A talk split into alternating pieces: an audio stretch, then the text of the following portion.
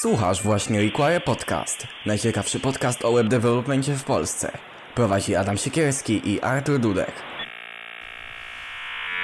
Cześć, witamy was wszystkich w kolejnym odcinku Require Podcast. Ja się nazywam Artur, ze mną jest. Adam, cześć, cześć. Dzisiaj opowiemy wam trochę o blogach, o różnych narzędziach do pisania blogów, już o jakichś platformach, które y, istnieją i umożliwiają nam bardzo łatwe pisanie blogów. Ale zanim do tego przejdziemy, mamy dla was kilka szybkich nowości. Pierwszą taką nowością jest na przykład Discord, który w końcu postanowił zmienić swoją domenę i kupić sobie porządną domenę discord.com, bo jak może wiecie, kiedyś mieli discordapp.com, bo discord.com było zajęte. I też już jakiś czas temu y, wykupili sobie na Twitterze nazwę użytkownika at Discord, bo wcześniej też mieli Discord App, więc bardzo fajnie. Taka mała rzecz tylko. Tak, ale moim zdaniem większą nowością jest to, co GitHub zaprezentował w ostatnią środę. To była środa? Tak, środa. W ostatnią Mhm. środę y, podczas swojego eventu Satellite y, 20, 2020 y, podczas którego zaprezentowali bardzo dużo nowych rzeczy. Tak jak w zeszłym roku zaprezentowali na przykład akcje, to w tym roku zaprezentowali trzy rzeczy, które są naprawdę fajne moim zdaniem. Pierwszą z nich jest GitHub Discussions. Y, Będzie to nowa część przy każdym repozytorium, y, w którym będzie można po prostu dyskutować takie, jakby tak jak mamy issues, to tam zgłaszamy jakby błędy w kodzie, w pull requestach dyskutujemy dane zmiany w kodzie, które ktoś tam zrobił. To jest coś takiego w stylu takiego wbudowanego Stack Overflow. Tak, będzie po prostu wbudowane forum dla każdego repozytorium. To tak zbliży ku sobie różne.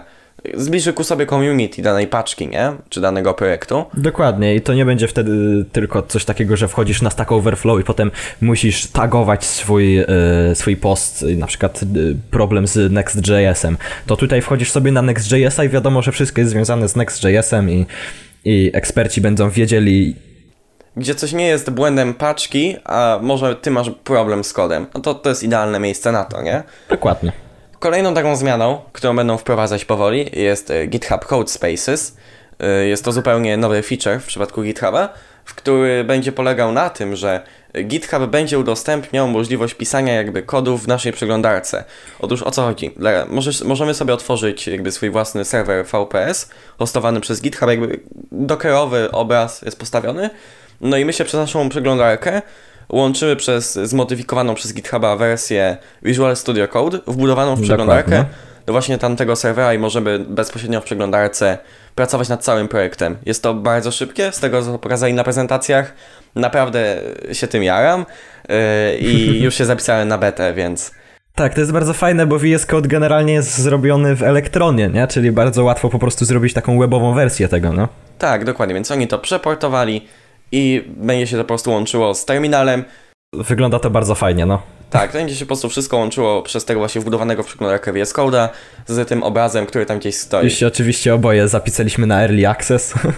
Tak. No zobaczymy jak z pricingiem będzie, nie? Już w pełnej wersji. Już nie, może będzie jakiś darmowy plan, zobaczymy. No, możliwe. Trzecią nowością jest y, usprawnione security. Tak jak mamy nasze repozytoria, to w zeszłym roku została dodana nowa karta security. To teraz jeszcze do tej karty zostało dodane takie coś jak code scanning, który możemy sobie odpalić przez y, specjalnie wygenerowaną akcję. y, Przez na przykład Code QL-a. To jest takie coś, o czym nie opowiedzieliśmy w odcinku o jakościowym kodzie, ale jest to narzędzie, które bezpośrednio analizuje nasz kod, statycznie oczywiście, ale nieco lepiej od na przykład Eslinta, bo jest bardziej zaawansowany. Na przykład wykrywa takie coś, że mm, o, nasza baza danych jest otwarta i nie ma żadnych limitów, nie? W przypadku naszego API.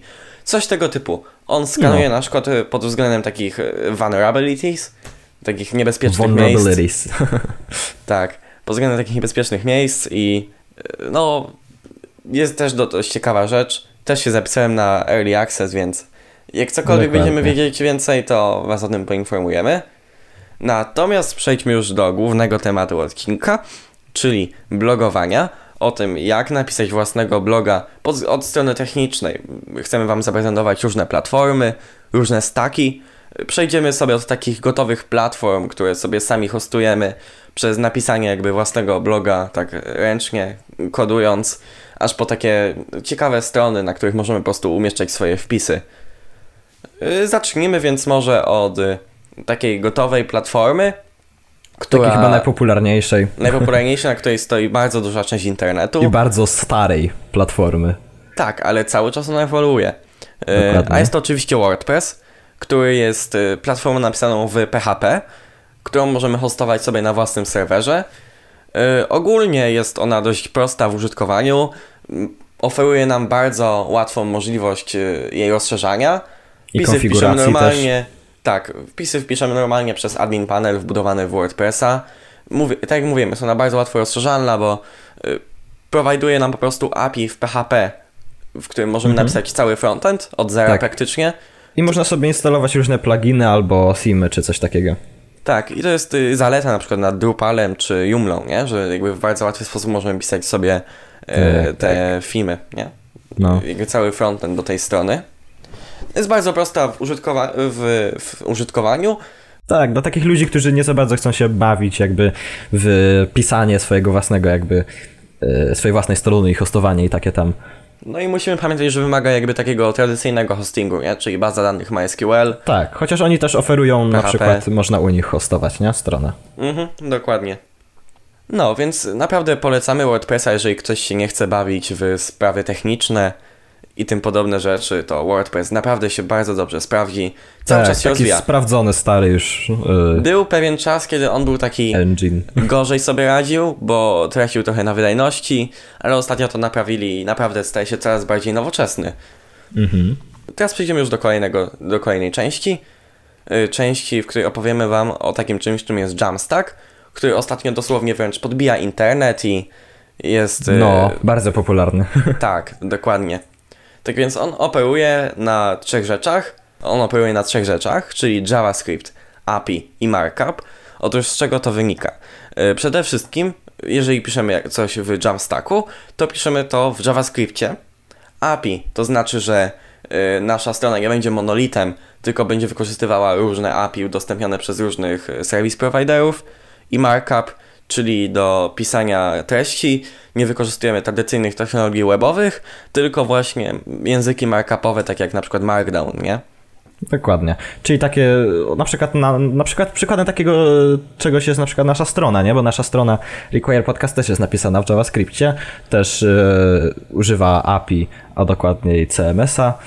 Yy, no i, i, jest takim właśnie trochę przykładem takiego Jamstacku, nie? No tak, no to jest tradycyjny Jamstack. Więc przejdźmy do pierwszego elementu Jamstacku. Tak więc Jamstacku polega na to, żeby jak najbardziej dzielić naszą stronę na różne serwisy, nie? Więc y, pierwszą rzeczą jest stworzenie frontendu.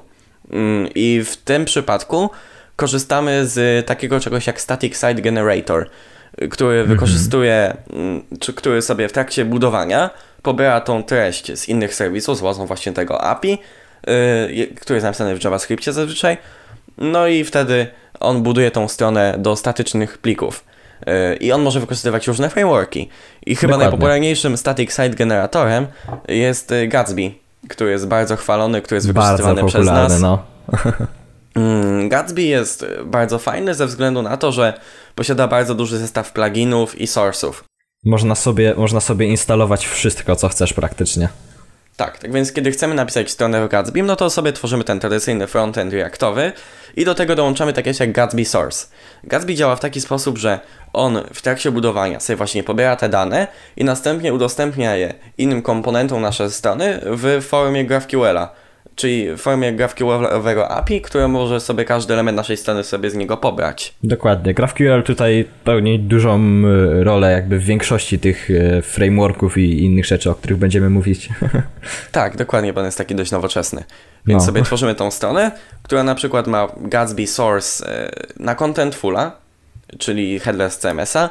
Również chcemy wspomnieć, że może on sobie również pobierać treści z WordPressa. Czyli na przykład napisaliśmy kiedyś bloga w WordPressie, chcemy go przenieść na Jamstack, no to wtedy sobie po prostu ta nasza strona w Gatsby pobiera dane z WordPressa, co jest Dokładnie, jest taki fajne. plugin Gatsby Source WordPress, albo, albo po prostu można sobie użyć tego GraphQL-owego e, API WordPressowego i pobierać sobie właśnie te dane z naszego WordPressa. Tak, więc on sobie pobiera dane z naszego WordPressa, my następnie w naszych komponentach Reactowych e, te dane sobie bierzemy za pomocą tego API udostępnionego przez ten Gatsby Source do GraphQL-a, i w ten sposób w naszych komponentach jesteśmy w stanie napisać całego bloga, nie? Mhm. Wymaga to nieco skilla, ale stworzy naprawdę y, fajną stronę. Gatsby Dokładnie. naprawdę na plus. Obsługuje i server-side rendering i obsługuje po prostu budowanie do statycznych plików HTML, takiej Tak, my właśnie też z Gatsby'ego korzystamy na swojej własnej stronie, nie? Na Require. Mhm, dokładnie. Takim kolejnym e, właśnie static site generatorem, który jest dosyć podobny do Gatsby'ego, ale e, moim zdaniem trochę, trochę fajniejszy, jest Next.js. Jest on zrobiony przez e, Vercela, czyli kiedyś Zeita, o którym już mówiliśmy, który, którzy zrobili właśnie to narzędzie Now do hostowania stron. Jest to dosyć podobne do, do, do Gatsby'ego, też no, można robić e, tak samo jak w Gatsbym jakiś server-side rendering z, z e, tym, z Expressem. Należy również wspomnieć, że on również działa na Reakcie, nie? Na Dokładnie, także o, o, oba działają na Reactie, nie? Są zbudowane na, na Reactie. Mhm. Y, Next.js jest jakby nieco moim zdaniem y, niżej poziomowy. To znaczy, że na przykład sposób w jaki te strony się same generują musimy określić sami jakby, to nie jest zawarte.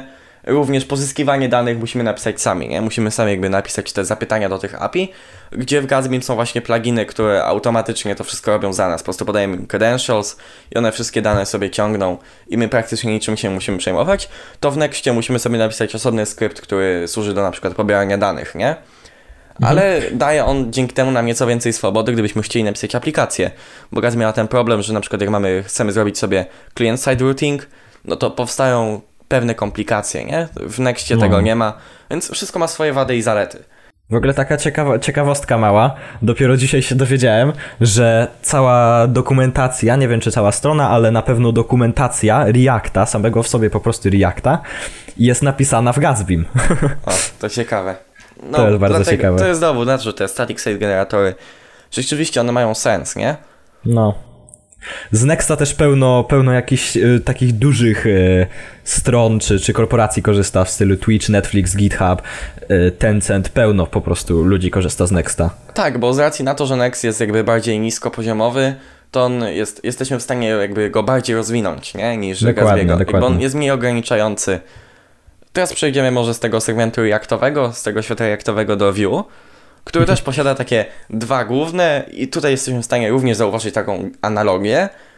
Y, Pierwszym z nich jest Gridsom. Ja, to, ja go nazywam takim po prostu Gatsbym do Vue. Tak, on nawet wygląda, ta ich strona wygląda praktycznie tak samo jak strona Gatsby'ego. Gridsom działa bardzo podobnie. Również definiujemy sobie plik, w którym możemy wykorzystywać jakby gotowe akcje do budowania stron. Również korzysta z GraphQL'a. Yy, możemy również instalować takie właśnie pluginy, które automatycznie nam pobierają dane z danych serwisów, więc działa on naprawdę fajnie, tylko że jest napisane we Vue.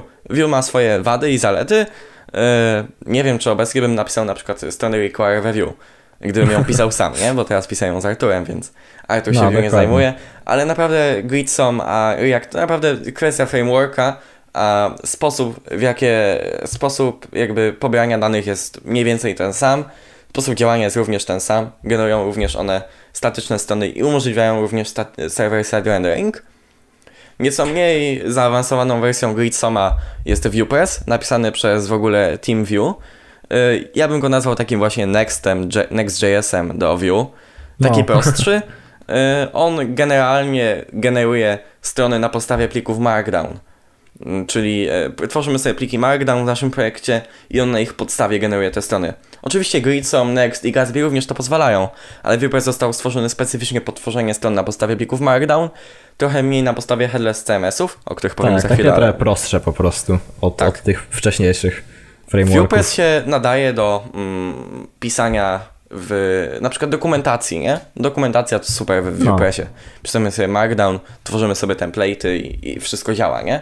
No, Jakby no. WordPress jest specyficznie oparty na tych template'ach on generuje tylko i wyłącznie na Markdownie, a inne na przykład jesteśmy w stanie stworzyć zupełnie stronę bez tego wszystkiego i potem dorzucić, nie? Tak jak na przykład jest strona Require. I teraz jeszcze jedna rzecz, jeżeli nie chcemy pisać w frameworku, to możemy napisa- na przykład napisać w jQueru.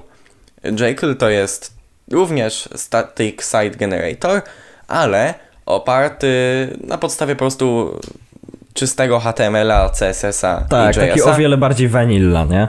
Nie Tak. piszemy w JSX-ie czy w, czy w czymś innym e, takim ciekawym bardzo jak, jak React czy coś, po prostu takie, takie proste po prostu HTML, Markdown, CSS. No i Jekyll działa specyficznie na Markdownie, nie? On nie działa dokładnie, na, dokładnie. on nie działa na tym, na, na headless CMS-ach, chociaż pewnie też by się dało, nie? Jakby możemy na przykład sobie postupować dane z headless CMS-a i potem je przerobić na Markdown. Wszystko można. No. Yy, I jeżeli chodzi o static site generatory, to chyba wszystko. I teraz przejdziemy do kolejnego bazowego elementu Jamstacku, czyli headless CMS-y. Headless CMS-y. Tak, czymże one są i dlaczego są takie fajne? Headless CMS-y w ostatnich latach dosłownie podbijają internet. Tak, e, tak, ze względu bardzo. na ich prostotę, łatwość utrzymania i w ogóle wszystko, nie? Bo, za, bo kiedyś jak pisaliśmy strony, na przykład w WordPressie, to jakby Content Management System, czyli system, który nam pozwala zarządzać treścią na stronie, był zawarty w naszą stronę i musieliśmy go hostować. Tak, taki Hostowanie- jeden wielki monolit. Hostowanie było drogie, musimy sami utrzymać bazę danych, musimy sami, sami utrzymać PHP, całe to oprogramowanie backendowe, no to zawsze my to musieliśmy robić. A headless CMS-y pozwalają nam ten prosty proces wydalić i my tylko sobie pobieramy dane za pomocą API, które nam dadzą, nie? Tak, takie too long didn't read to jest po prostu takie API, tylko bardziej user-friendly, nie? I dla Mhm. zarządzania po prostu jakimiś danymi. No i właśnie te headless CMS-y generalnie wykorzystuje się właśnie z tymi static site generatorami, że static site generator sobie bierze dane z headless CMS-a, e, kompiluje je, e, przerabia na stronę, a w headless CMS-ie znajduje się cała jakby nasza treść. I my się tym nie No. musimy przejmować, po prostu my piszemy treść i ona wszystko się robi.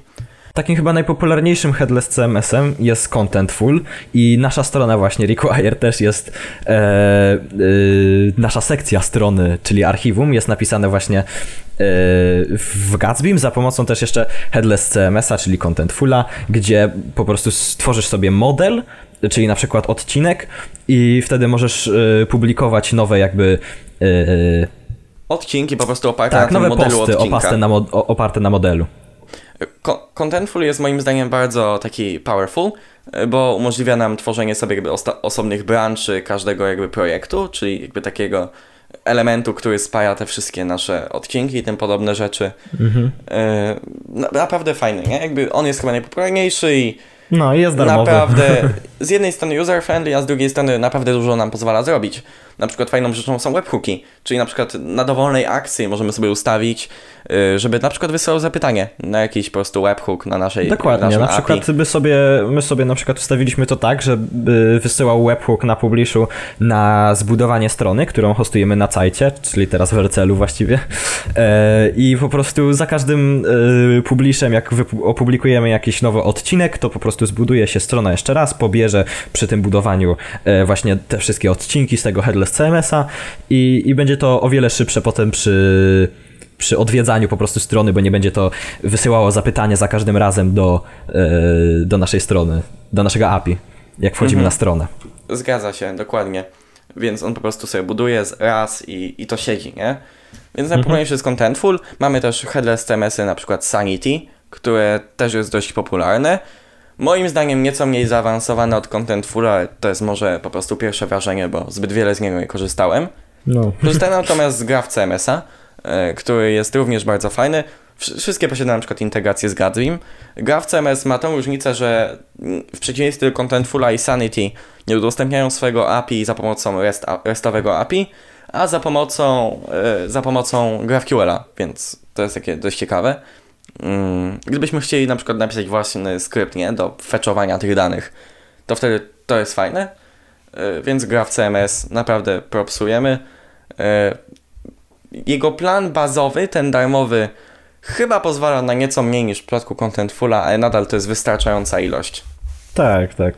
I Wszystko natomiast jest jego darmowe, zaletą jest ten oczywiście, GraphQL, co nie? teraz opisujemy. Jakby to są Jakby- minimalne no. różnice, należy sobie wybrać, nie? Dokładnie, to jest tylko po prostu, jak komuś pasuje coś, no to możesz sobie używać tego, co mu pasuje, nie? Jak tyle, wystarczy tyle po prostu feature'ów yy, do, do swojej strony, no to bardzo proszę, nie? Można korzystać z czegokolwiek.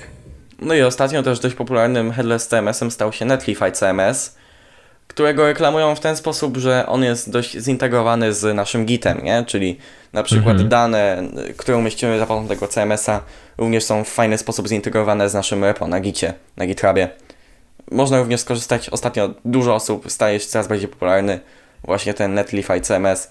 Ogólnie Netlify się cały czas rozwija, tak, nie? Netlify już, już od jakiegoś czasu, e, już, znaczy już kiedyś, e, dosyć dawno temu sam w sobie Netlify wybuchł jako, jako taka platforma do hostowania e, No taki stron i zwykły, tak dalej. tani, tak, y, zwykły, Ale, tani ale nadal się utrzymują, no nadal są fajni. No ostatnio stworzyli właśnie tego Netlify CMS-a, stworzyli Netlify Functions, czyli takie po prostu funkcje lambda do mikroserwisów. Dokładnie. Naprawdę fajne. No i należy również nie zapomnieć, że można stworzyć właśnie własnego CMS-a, na przykład w mikroserwisach, tak? Jeżeli Dokładnie. mamy jakieś Napisać swoje specyficzne własne potrzeby, na przykład. Jeżeli jakby żaden z naszych CMS-ów, tak, headlessów, y, które są gotowe, nie spełnia naszych oczekiwań, bo na przykład potrzebujemy jakiś specyficzny rodzaj operowania tymi danymi, to możemy napisać swoje własne restowe API. Czy No, to w my na przykład z Adamem, jak pisaliśmy apkę, to właśnie zrobiliśmy sobie taki mały admin panel, gdzie mogliśmy po prostu dodawać e, e, posty, w sensie takie jakieś ogłoszenia i one potem były na stronie po prostu pobierane z naszego API. Te- Takie proste po prostu API w, w Expressie na przykład można takie- też napisać. W Expressie również polecamy framework backendowy Nest.js, który, Tak, jest, opar- jest który jest bardzo podobny do Angulara, napisany w TypeScriptie. Ja go bardzo lubię, bardzo mi się podoba. Tak, Adam napisał swoje właśnie, e, swój backend do komentarzy na swoim blogu właśnie w Nestie. Tak, dokładnie. O komentarzach jeszcze opowiemy. No, no. no, więc można. Bez problemu własne też te, własnego CMS-a można napisać.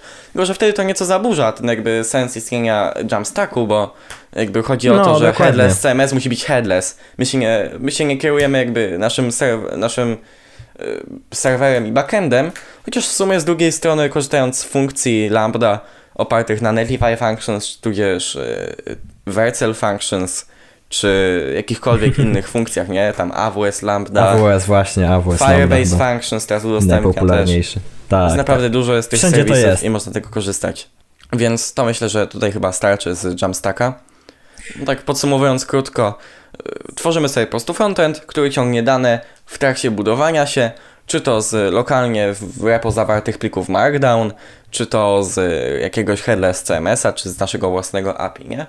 To jest No. taka podstawa. Naprawdę to jest popularne, bo to jest super wydajne, tak? Bo my nie musimy zupełnie hostować całej aplikacji, my tylko hostujemy statyczne pliki, po prostu je udostępniamy, czy to na Dokładnie, statycznym dokładnie. AWS S3, I to są po prostu za darmo, dokładnie Vercel, czy, więc czy jakiś zupełnie inny darmowy hosting. Statyczny. bardzo jest to One łatwe generalnie w dzisiejszych czasach z tymi Tak. headless CMS-ami, takie tam. Czy to nawet GitHub Pages, tak? Tak jak ja hostuję moją stronę. No dobrze, ale co jeśli nie chcemy pisać swojej własnej strony? Jeśli na przykład nie znamy się za bardzo, nie czujemy się na siłach, a po prostu nie chce nam się. Możemy sobie na przykład y, y, postować swoje, swojego bloga na jakichś y, istniejących stronach w stylu Medium, Devto albo innych. Y, Medium jest chyba taką bardzo najpopularniejszą, bo generalnie można tam, postują tam ludzie o wszystkim praktycznie. Tak, medium jest takie ogólne. Jeśli chodzi o Mhm. Programowanie, to można tam znaleźć tutoriale, jakieś y, inne rzeczy, ale można też na przykład y, rzeczy odnośnie, nie wiem, życia, y, fotografowania, czegokolwiek. Po prostu jest to takie bardzo ogólne, y, ogólna platforma. Mhm. A jakby zaleta tych platform jest taka, że to jest zupełnie darmowe i my się nie musimy przejmować tym, y, czy ludzie będą wchodzili na naszego bloga, bo jakby my wtedy postujemy po prostu na danej platformie w internecie nie? i tam jakby są Dokładnie. skombinowane wpisy różnych osób, dzięki czemu nawet można łatwiej się wybić, nie? Nie musimy się przejmować właśnie. w ogóle tym, że mamy własną stronę. Tylko wchodzisz na stronę, bo na przykład y, obserwujesz jakieś inne y, blogi, zobaczysz na głównej stronie jakiś ciekawy artykuł i może cię to zainteresuje i to właśnie bardzo pomaga się wybić. No tak, no mamy na przykład takie strony jak Medium, o którym już mówiliśmy, jest y, dev.tu, y, Tak, FreeCodeCamp też bardzo czy popularna. HackerNoon, które takie są typowo programistyczne, gdzie możemy po prostu wrzucać nasze artykuły o Tak, programowaniu. właśnie blog, y, blog Discorda jest na, y, na Mediumie tak, hostowany. dokładnie. No też na mamy na przykład, silniku. na przykład mamy też y, Tumblera, nie? Który jest taką platformą jeszcze bardziej Tak, tylko że to jest bardziej taki, taki, taki bardziej social media, nie? Oczywiście są to blogi, nie? Ale No, są takie. Jakby te wszystkie platformy to jest swego rodzaju social media, nie? Jakby Tak. tam jest taka, tam jest taka bardziej nastawienie na integrację, bo wszystko, bo wszystko jest jakby w jednym miejscu, nie? Blogi różnych ludzi w jednym miejscu, tak. można sobie czytać. Właśnie te strony w stylu Medium albo DevTo to jest takie, taki jakby y, jeden wielki blog, do którego po prostu każdy może się dopisywać, nie? Mhm, Tak dokładnie. jak tworzysz swojego, swoją własną stronę, to masz swojego tylko bloga, nie? I, i, I swoją stronę, a tutaj masz taką stronę, gdzie jest po prostu taki ogólny dla wszystkich blog jeden, duży. No jest też coś takiego pomiędzy, jak na przykład Blogger czy WordPress, nie? Gdzie jakby Dokładnie. z jednej strony mamy po prostu platformę, na której mamy tylko własnego bloga, a z drugiej strony bo zupełnie nie przejmujemy się w ogóle hostingiem tego, nie? Tak, Tylko wszystko jest prostu- na przykład za darmo, nie? Wszystko jest za darmo, gdzieś tam sobie siedzi, my tylko piszemy wpisy. Tylko, że No, jakby... tylko ten Blogger i WordPress to są takie trochę bardziej boomerowe rozwiązania. Bardzo stare, nie? no, chociaż Blogger ostatnio dostał bardzo fajny refresh, moim zdaniem. Widziałeś, Tak, tak. nie? Tam Tak, widziałem właśnie, ale, ale no, okej. dosyć, dosyć stary jest ten bloger, nie? I w większości ludzi już się kojarzy, wiesz, z jakimiś Tak. starymi stronami albo shady jakimiś takimi podejrzanymi. Aha, dokładnie, dokładnie. Mm. No ale mamy tą naszą stronę, mamy naszego bloga. No i też fajnie, że była jakaś integracja z czytelnikami. No to Właśnie. wtedy warto zająć się komentarzami na blogu. Chyba najpopularniejszą taką platformą do komentarzy jest y, Diskus. Bo Tak. ogólnie rzecz biorąc, problem z komentarzami jest taki, że one też gdzieś muszą być hostowane, nie? I headless CMS-y nie pozwalają nam na hostowanie gdzieś komentarzy. Tak, więc trzeba ale znaleźć jeszcze... to są bardziej tak, że takie, takie lżejsze, że jedynie, wiesz, zapostujesz raz, Tak. raz na jakiś czas swój własny jakiś, wiesz, większy artykuł, a nie takie osobne, małe, co jakiś czas y, jakieś dopiski, nie? Więc chodzi o to, że komentarze muszą być gdzieś hostowane, no i one muszą mieć na żywo cały czas, nie? Więc Dokładnie. Więc taką platformą jest na przykład, którą, która nam hostuje, jest na przykład Diskus, którzy udostępniają nam właśnie taki ciekawy, fajny embed, który możemy wstawić na, na swoją stronę i po prostu każdy będzie mógł się zalogować za pomocą jakichś social media czy konta właśnie na Diskusie i, i Tak, dodawać no- komentarze do tej strony, nie? Diskus się świetnie nadaje do właśnie takich rozwiązań jamstackowych. Do WordPressa również go można Tak, zintegrować. tak, że wstawiasz tylko, sobie że po WordPress prostu ma taki- swoje komentarze, nie? WordPress ma swój system komentarzy, a Diskus Tak, jak tak. najbardziej fajny, nie? Wstawiasz Jakby- po prostu sobie taki embed, nie? Taki, taki gadżet, nie obchodzi cię już co się dzieje, nie? Po Mhm. prostu masz. Chociaż można też zawsze napisać swoje własne po prostu API do komentarzy, tak jak ja to zrobiłem. Dokładnie, tak jak Mam po prostu napisane swoje restowe API w Nest.jsie. Y, Czy to. Chociaż obecnie może bym to napisał na przykład na jakiś Lambda Functions, nie? Tam w AWS, Vercel czy. czy Tak, to by y, też Identify dobrze pasowało Functions. do... Tylko wtedy musimy też znaleźć sobie jakąś bazę danych. Co też nie jest problemem, bo mamy pełno darmowych baz danych, nie? Tak, jedną taką nam- darmową bazą danych bardzo fajną jest Mongo, która... MongoDB, tak. Dokładnie, która, która jest bardzo fajna, jeśli na przykład e, nie, nie zajmowałeś się jeszcze jakimś SQL-em czy czymś i, i trochę cię to przeraża, a na przykład wiemy jak, e, e, jak na przykład są strukturowane pliki JSON-a, to właśnie Mongo jest właśnie podobnie bardzo strukturowany. To jest praktycznie taki, y, tak jakbyś miał wszystko w plikach JSON-a, nie? Bo to jest bardzo podobna struktura i bardzo łatwo y, się tego nauczyć, y, jak to używać i takie tam. Należy zauważyć, że oczywiście MongoDB to jest baza danych typu NoSQL, czyli tam Dokładnie, nie wykonujemy NoSQL. zapytań SQL-owych, tylko po prostu to są zwykłe pliki, tylko one jest oparta na JSONach, nie? Tak, Co tak, może być na, na zaletą- takich plikach dokumentowych. Dlatego nie? one jest fajnie dla takich właśnie komentarzy. To jest świetne dla komentarzy, baza danych, naprawdę spoko. Yy, Ale natomiast właściwie do czegokolwiek, nie? Jest Mhm. darmowa, tam masz chyba pół giga e, na, na każdy jakiś tam klaster czy projekt, jaki zrobisz, więc... No tak, no bo do większych baz danych jednak wykorzystujemy bazy danych e, SQL-owe, nie? Do których Dokładnie, wykonujemy dokładnie. normalnie Na zapytania typu PostgreSQL, PostgreSQL, które jest udostępniane przez Heroku za darmo, czy po prostu No, zwykłego no. MySQL-a tam na jakichś różnych darmowych MySQL hostingach, nie? Tak, oczywiście Mongo też można hostować sobie samemu, pobrać ich po prostu software i odpalić gdzieś na swojej maszynie, ale udostępniają też e, darmowe ten e, hosting właśnie e, no, Uczepiając się tego Jamstacka, to chyba lepiej właśnie, żeby u nich się hostowało, nie? Jakby my nic nie chcemy hostować, co działa, nie? Jakby kwestia jest taka, że my nic nie chcemy hostować, co działa, więc piszemy serverless functions, które po prostu się odpalają gdzieś, tam, gdzieś na Warcelu czy na AWS-ie. Yy, korzystamy z bazy danych MongoDB. Chodzi o to, żeby jak naj, żebyśmy my nie maintainowali żadnego serwera, nie? Żebyśmy nie zarządzali jakimiś procesami. dokładnie. To jest cały cel Czyli tego. takie mikroserwisy. Dokładnie, mikroserwisy, dokładnie. Więc y, myślę, że chyba tutaj y, powoli będziemy kończyć. Co ty myślisz? Mamy coś jeszcze do powiedzenia w tym temacie? E, chyba nie właściwie. Jeśli chodzi Dobrze. o, o, o pisanie samemu jakichś e, blogów, to e, no oczywiście jest o wiele, wiele po prostu jest pełno takich sposobów na, na, na, na właśnie zarządzanie, jakieś pliki Markdown na przykład.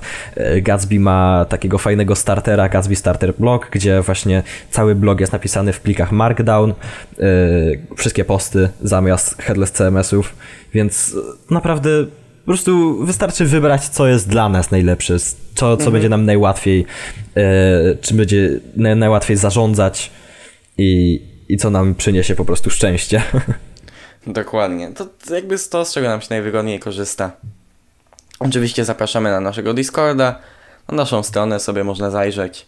Dokładnie. Możecie komuś powiedzieć o naszym podcaście, jeżeli jeszcze tego nie zrobiliście. Na zapraszamy YouTube'a do też zapraszamy obejrzeć nasze pięknie wygenerowane przez FMMPG odcinki. Zapraszamy do zasubskrybowania, dania tam łapki w górę lub w dół, jak ktoś nie lubi. No, albo jak chcecie, żebyśmy, jak chcecie, żebyśmy na przykład pogadali o jakimś temacie e, nowym, o którym jeszcze nie wspomnieliśmy, to możecie napisać albo maila, albo na Discordzie nam napisać, albo gdzieś na mediach społecznościowych. Wszędzie linki są. E, na stronie, w, stópce na samym dole są, W takim albo na razie profilach. żegnamy. naszych. Do widzenia. Szczęść Boże. Cześć!